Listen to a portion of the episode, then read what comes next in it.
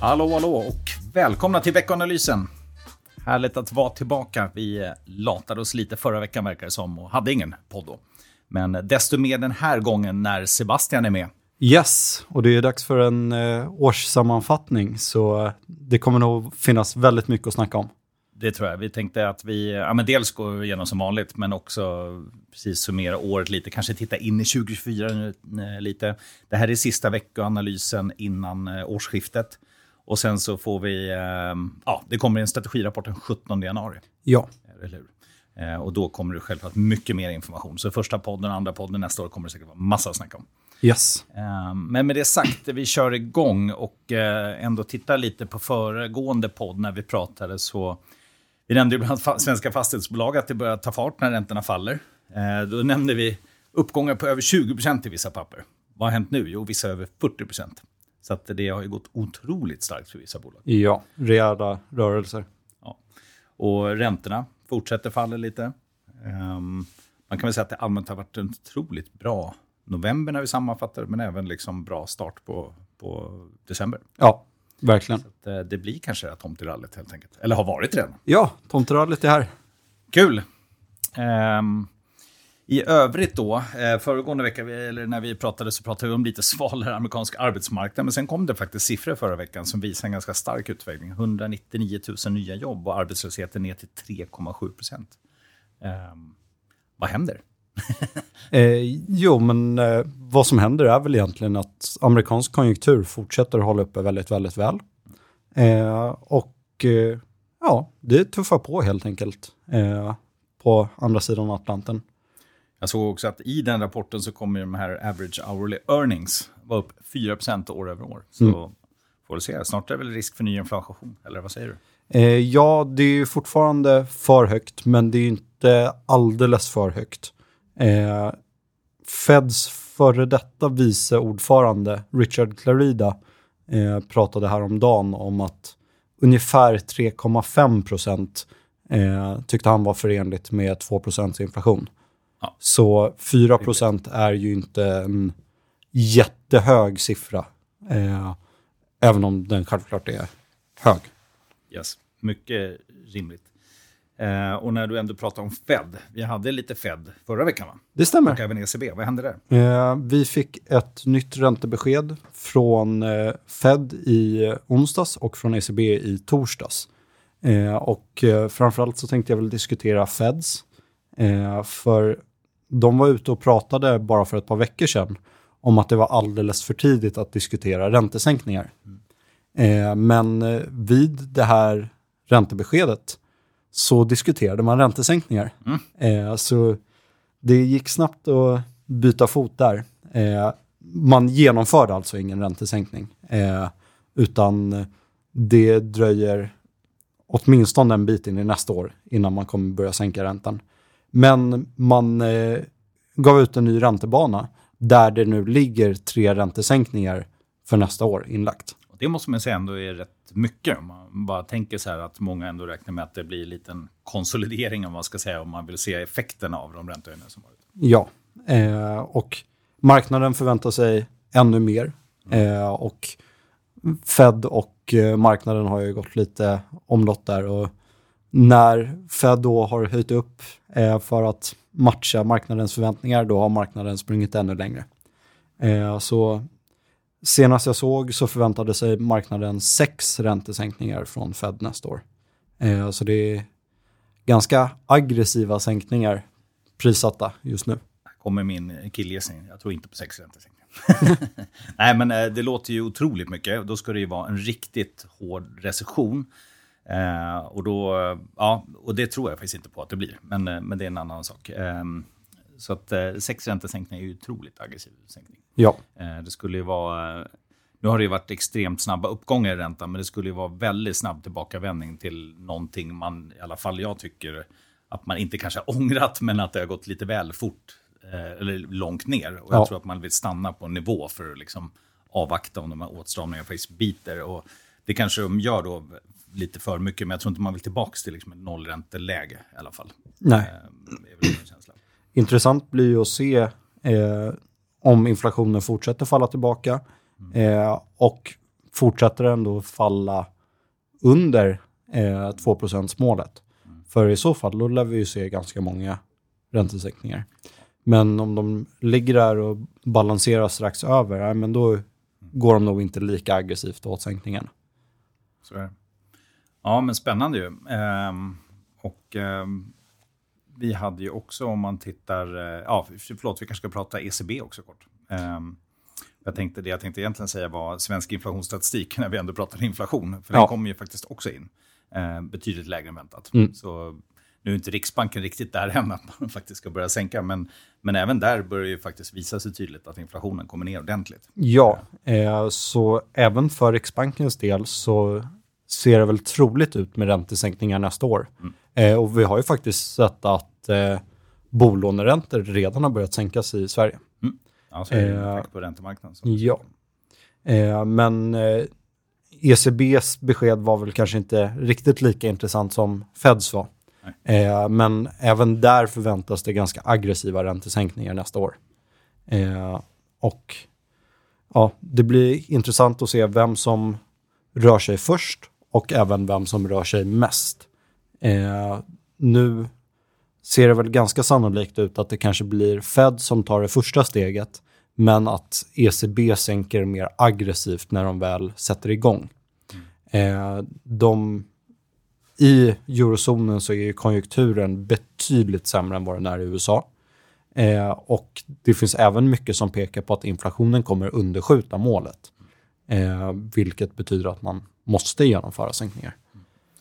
Ja, det blir spännande att se. Historiskt är det ju någon slags slagg, eller i alla fall sista decenniet så har det ju varit någon 6-12 månader kanske, alltså att USA ofta ligger lite före. Ja. Eh, Men eh, varje situation är annorlunda, Eh, så även denna gång. Jag misstänker att de kommer komma före även den här gången.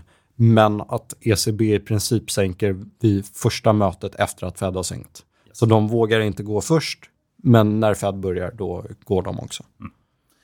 Och det är bara för att avsluta det här med penningpolitik och eh, inflationsdata och så vidare. Vi får den här veckan så får vi eh, lite, är det, Feds favoritmått va?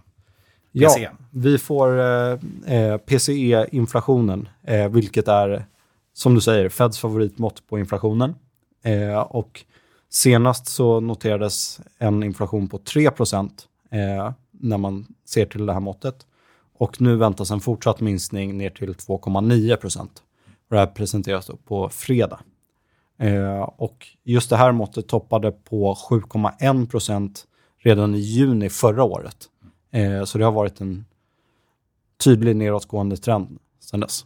Verkligen. Och i, eh, ja, jag vet inte exakt vad historiskt snitt där ligger, men det, det är väl inte långt ifrån i alla fall skulle jag säga. Om man tittar de sista 20 åren så är det marginellt högre i så fall. Ja, Så att, eh, spännande. Vi släpper lite just inflation och eh, centralbanker. Eh, vi lovade ju en liten summering. Mm. Får vi se om det här spårar totalt och tar 20 minuter extra. Men, det eh, lär det göra. vi får se. Eh, jag tänker så här, nu i slutet av året så kommer det vara lite avtagande, avtagande aktivitet rent överlag. Det här är sista veckanalysen, men vi vill blicka framåt. Men för att komma dit så är det ju jättebra att kika på så här, vad har det egentligen hänt? Och jag tänker ju bara så här, när man tänker först så är det inte, alltså det är ett par stora grejer man tänker på, men det är mer händelserikt än man kan tro faktiskt. Alltså, Ja. Sjukt många grejer har ju faktiskt hänt i år. Ja. Alltså, eh, var ska vi börja? Bankkrisen, mars. Eh. Eller när var den? Ja, eh, det stämmer.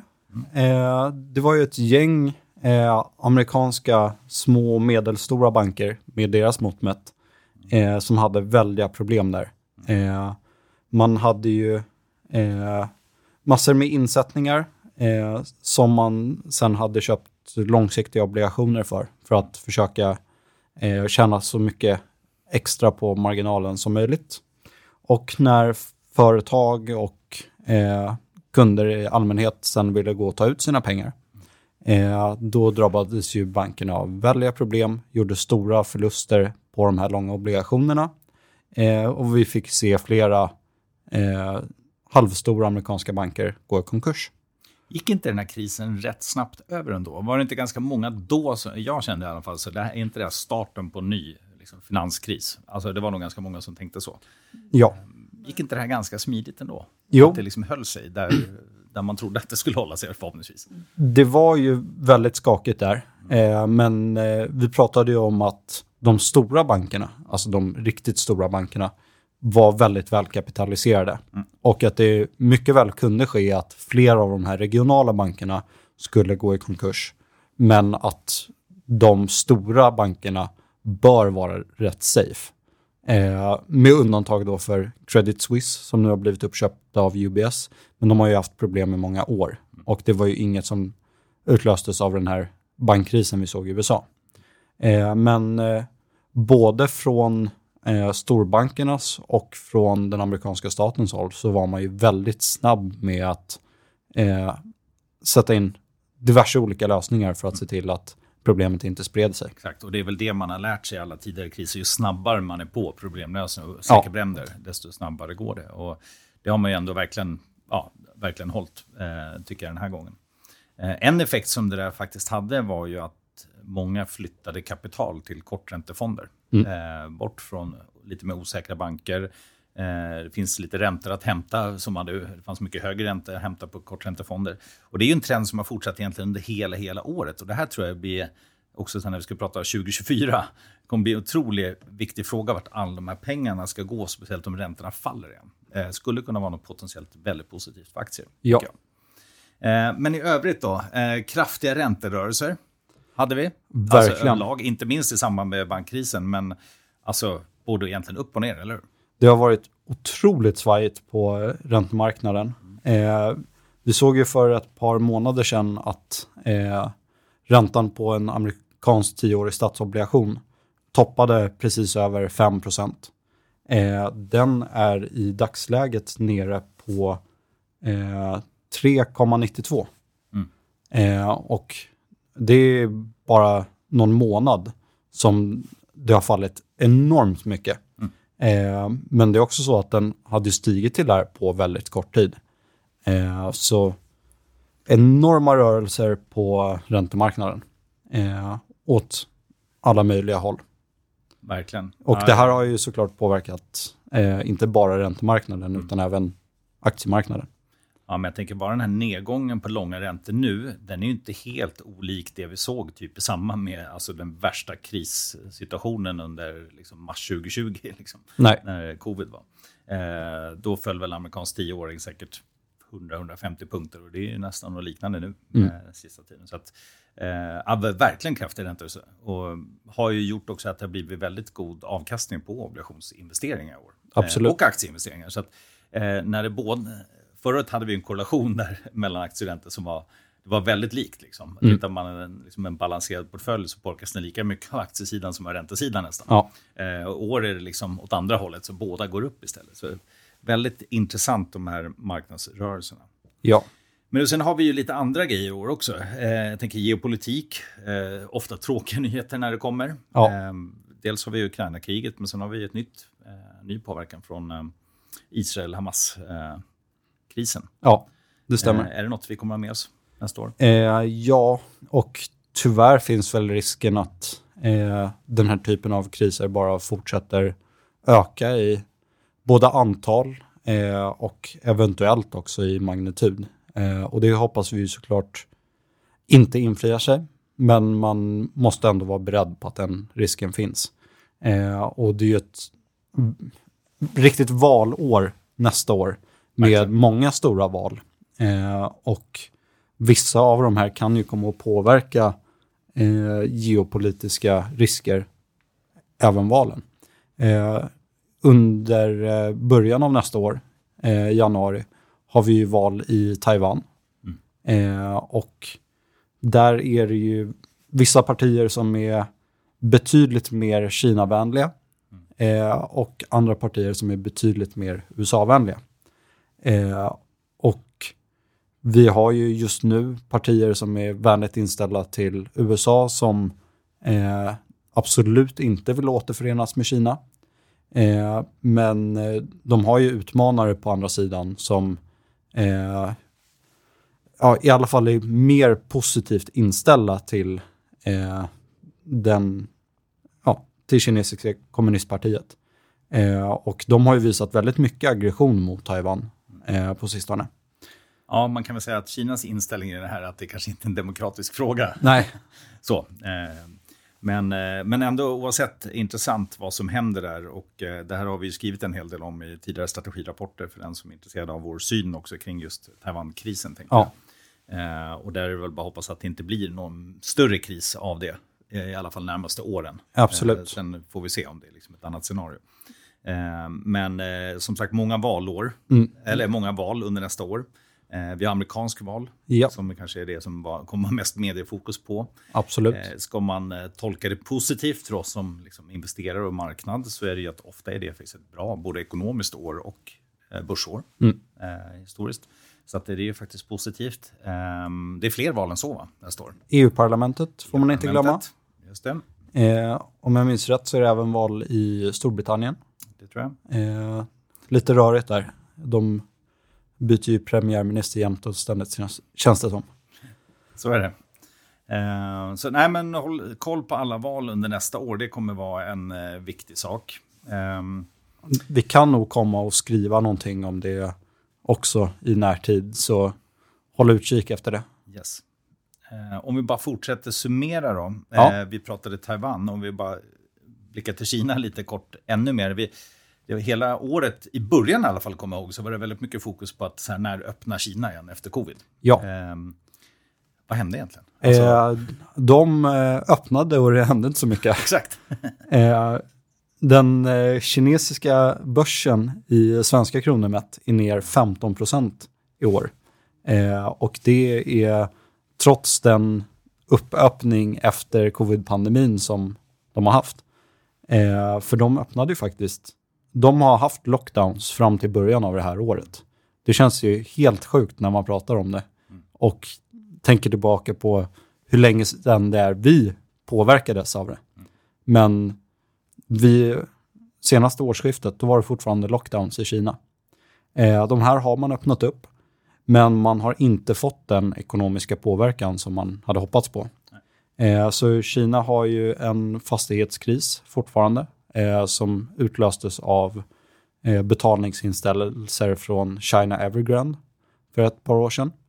Eh, de har en ungdomsarbetslöshet nu som är så hög att man har slutat publicera datan.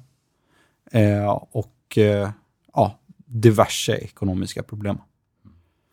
Ja, man kan väl säga så här att om man nu eh, summerar året och inte hittar fler saker utan bara summerar så har det varit inte direkt tillväxtmarknadens år eller liksom Kinas år utan det har egentligen handlat om en enda grej, eller hur? Och det är USA och det är framförallt techsektorn. Ja, Och mycket AI-relaterad techsektor. Verkligen. Nvidia kanske främst tänker jag på. Men Årets IT stjärna. Årets stjärna. Vi utnämnde det till årets stjärna. Nvidia. Men man kan väl säga så här, alltså vi har ju haft en övervikt mot IT-sektor just USA under året och det har ju varit en väldigt liksom, bra resa kan man säga. Ja. IT-sektorn är väl upp, vad är den i år? 48 procent 48 procent. I svenska kronor eller? i svenska kronor. I eh, lokal valuta 51.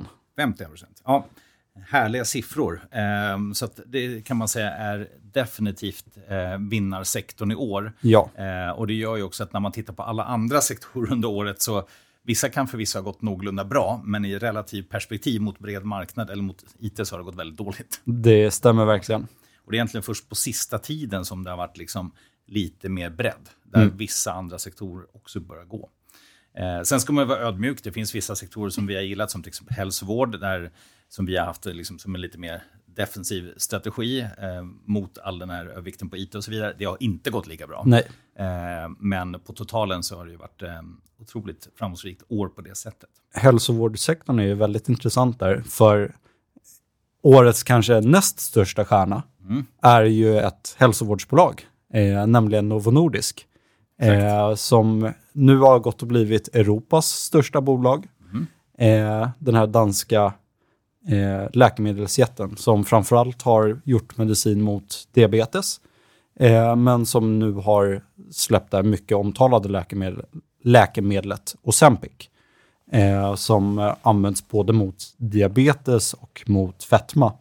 Eh, men som även används av, eh, av alla som vill gå ner i vikt egentligen. Ja, som Eh, visar sig, i alla fall vad jag har sett, eh, inte ha några större liksom, biverkningar egentligen. Nej, det gör ju att du äter mindre. Ja, och Eh. minskar risken för hjärtproblem och det ena och det andra. Ja, eh, så väldigt omtalat av eh, kändisar som eh, Mm. jojobantar. eh, men väldigt effektivt och har ju gjort att Novo Nordisk då har rusat. Men det har faktiskt påverkat sektorn negativt. Eh, för i och med det här så har marknadens inställning blivit lite att man kommer inte behöva behandla så mycket andra sjukdomar. Eh, man kommer behöva behandla mycket mindre fetma, mycket mindre eh, diabetes, mycket mindre hjärtproblem, mycket mindre knäoperationer, ryggoperationer, allt möjligt. Eh, och det här bara på grund av att man i princip kommer bli av med övervikten, Mm. är det som marknaden har prisat. Ja. Eh, och det innebär att väldigt många läkemedelsbolag har ju drabbats väldigt hårt av att den här eh, bantningsmedicinen är så pass effektiv. Verkligen. Men eh, fantastiskt. Det är kul att det kommer så mycket spännande läkemedel, men också kul att det går så bra eh, för många bolag. Eh, jag tänker också börsen har gått väldigt bra. Det är ju faktiskt, vi är nära all time high i USA. Ja. Eh, Stockholmsbörsen är upp över 20 procent sedan botten i oktober. Eh, S&P nära all time high som sagt. Vi tror väl att det kan komma en ny topp. Vi har såna här skräckindex som media brukar kalla det. Eh, volatilitetsindex VIX som ligger på väldigt låga nivåer, lägsta sedan före covid-pandemin. Ja. Eh, så stora frågan är om vi blickar in i 2024, kan det här fortsätta? Som sagt, det är ett bra år, när, normalt när det är presidentvalsår. Eh, det som jag tror kanske kommer bli huvudfrågan är ju om USA går in i en recession eller ej. Det, det finns en hel del indikatorer på att det liksom viker lite grann. Samtidigt kom det bra arbetsmarknadssiffror och mycket annat håller upp. Ehm, och jag tror också så här, det man ska ha med sig att bara för att det blir kanske tekniskt sett en recession, är den inte kraftig så kan det mycket väl vara okej ändå. Ehm, så, men är det en kraftig recession så brukar det ofta vara samband med stora börsnedgångar. Men det kommer vara en av huvudfrågorna. Ehm, sen är väl nästa grej, så är det USA som ska vara vinnare eller något annat? I princip 13 år i rad så har väl USA varit vinnaren eh, och outperformat mycket annat globalt. Men tittar man liksom kanske 1950 fram till 2010 så har det ändå gått lite mer vågor. Ja. Eh, Så det är den stora frågan skulle jag säga. Så här, ett, kommer börsen fortsätta? Två, är det USA som kommer att vara vinnaren? Liksom? Eh, de eh, korta svaren, ja och ja. Jag visste att du skulle säga Vi tycker ju så. Eh, Men, eh, men det ser väl jättebra ut fortsatt för bland annat techbolagen, liksom, tänker vi. Ja, och mitt team stöter och blöter det här varje dag. Och framförallt nu när vi går in i det nya året så är vi ju extra måna om att blicka framåt och se hur nästa år kommer bli. Eh, och eh, vi eh, är väl inte helt överens om eh, en framåtblickande syn än. Eh, men överlag så delar vi ändå synen om att det bör bli ett ganska positivt år på marknaden. Eh, och jag personligen är väl åt det ännu mer positiva hållet. Så jag tror inte att det bör bli ett ganska bra år, utan jag tror att det kommer bli ett väldigt bra år. Eh, tycker att det finns mycket som talar för att inflationen är på väg ner, vilket innebär att även räntorna bör kunna falla. Samtidigt som USA undviker en djup recession. Eh, en av de sakerna som Fed lyfte fram eh, vid den senaste presskonferensen eh, som fick räntorna att falla ganska rejält. Det var att de ser försämringar eh, i konjunkturen och på arbetsmarknaden och så vidare. Eh, och det kan man ju tycka låter ganska allvarligt, men eh, så som jag ser det så har man i princip bara en väg att gå och det är mot försämringar. För de har en otroligt stark eh, konjunktur, jättehög BNP-tillväxt. Eh, nu har ju arbetslösheten stigit något eh, över de senaste månaderna och är uppe på 3,7 procent. Det är väldigt, väldigt lågt. Så att man skulle gå åt andra hållet och se en förstärkning i konjunkturen, det vore ju helt absurt. Eh, men, men det finns alltså ganska mycket utrymme för försämring i konjunkturen, men att den fortfarande är ganska bra. Och framförallt ska man lägga till, vi pratar ju hela tiden investeringar. Och då får man ju hela tiden ta den här ekonomiska bilden, men sen måste man ju lägga på värdering och annat. Och Ja, Tittar man till exempel i ja, men jämförelse historiskt så det ser ju inte dyrt ut i alla fall. nej, Eh, Så vinsterna finns ju där. Det ju, ska man ändå ha med sig. Det har ju varit vinsttillväxt. Eh, Och Så vinstprognoserna ser ju ganska goda ut. Men jag tror vi släpper eh, våran Outlook-del. Eh, jag tänker att vi eh, ändå har dragit ut lite på tiden, det är helt okej. Eh, tittar vi då inför nästa vecka, vad har vi då? För, vi nämnde det i början, inflationssiffror, PCE kommer vara i fokus. På makrosidan så har vi bland annat svensk detaljhandel. Vi har lite konsumentförtroende i USA. BNP-siffror kommer in. Eh, väntas vara superstarka, eller Eh, Vi har inflation i EMU-området, definitiva siffror.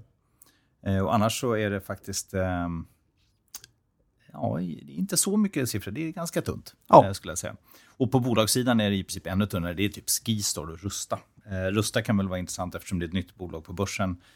Skistar har vi ingen bevakning på så, men det passar ju bra till skidsäsongen. Att Yes. en rapport. Ehm, är det något mer vi bör lyfta fram så där, i slutet som du känner att vi har missat? Jag tror att vi har täckt det mesta. Eh, så det kanske är lika bra att vi stänger shoppen för den här gången. Det med tanke vi. på att vi ändå dragit över en del. Ändå ett framgångsrikt poddår måste man säga. Ja, Och starkt att få avsluta det. Ja med tanke på att eh, du och jag körde så pass mycket i början av året. Eh, så känns det bra att jag får vara med på årets sista också. Härligt. Med det sagt så vi önskar alla lyssnare en god jul och gott nytt år och sen så är vi tillbaka nästa år. God jul!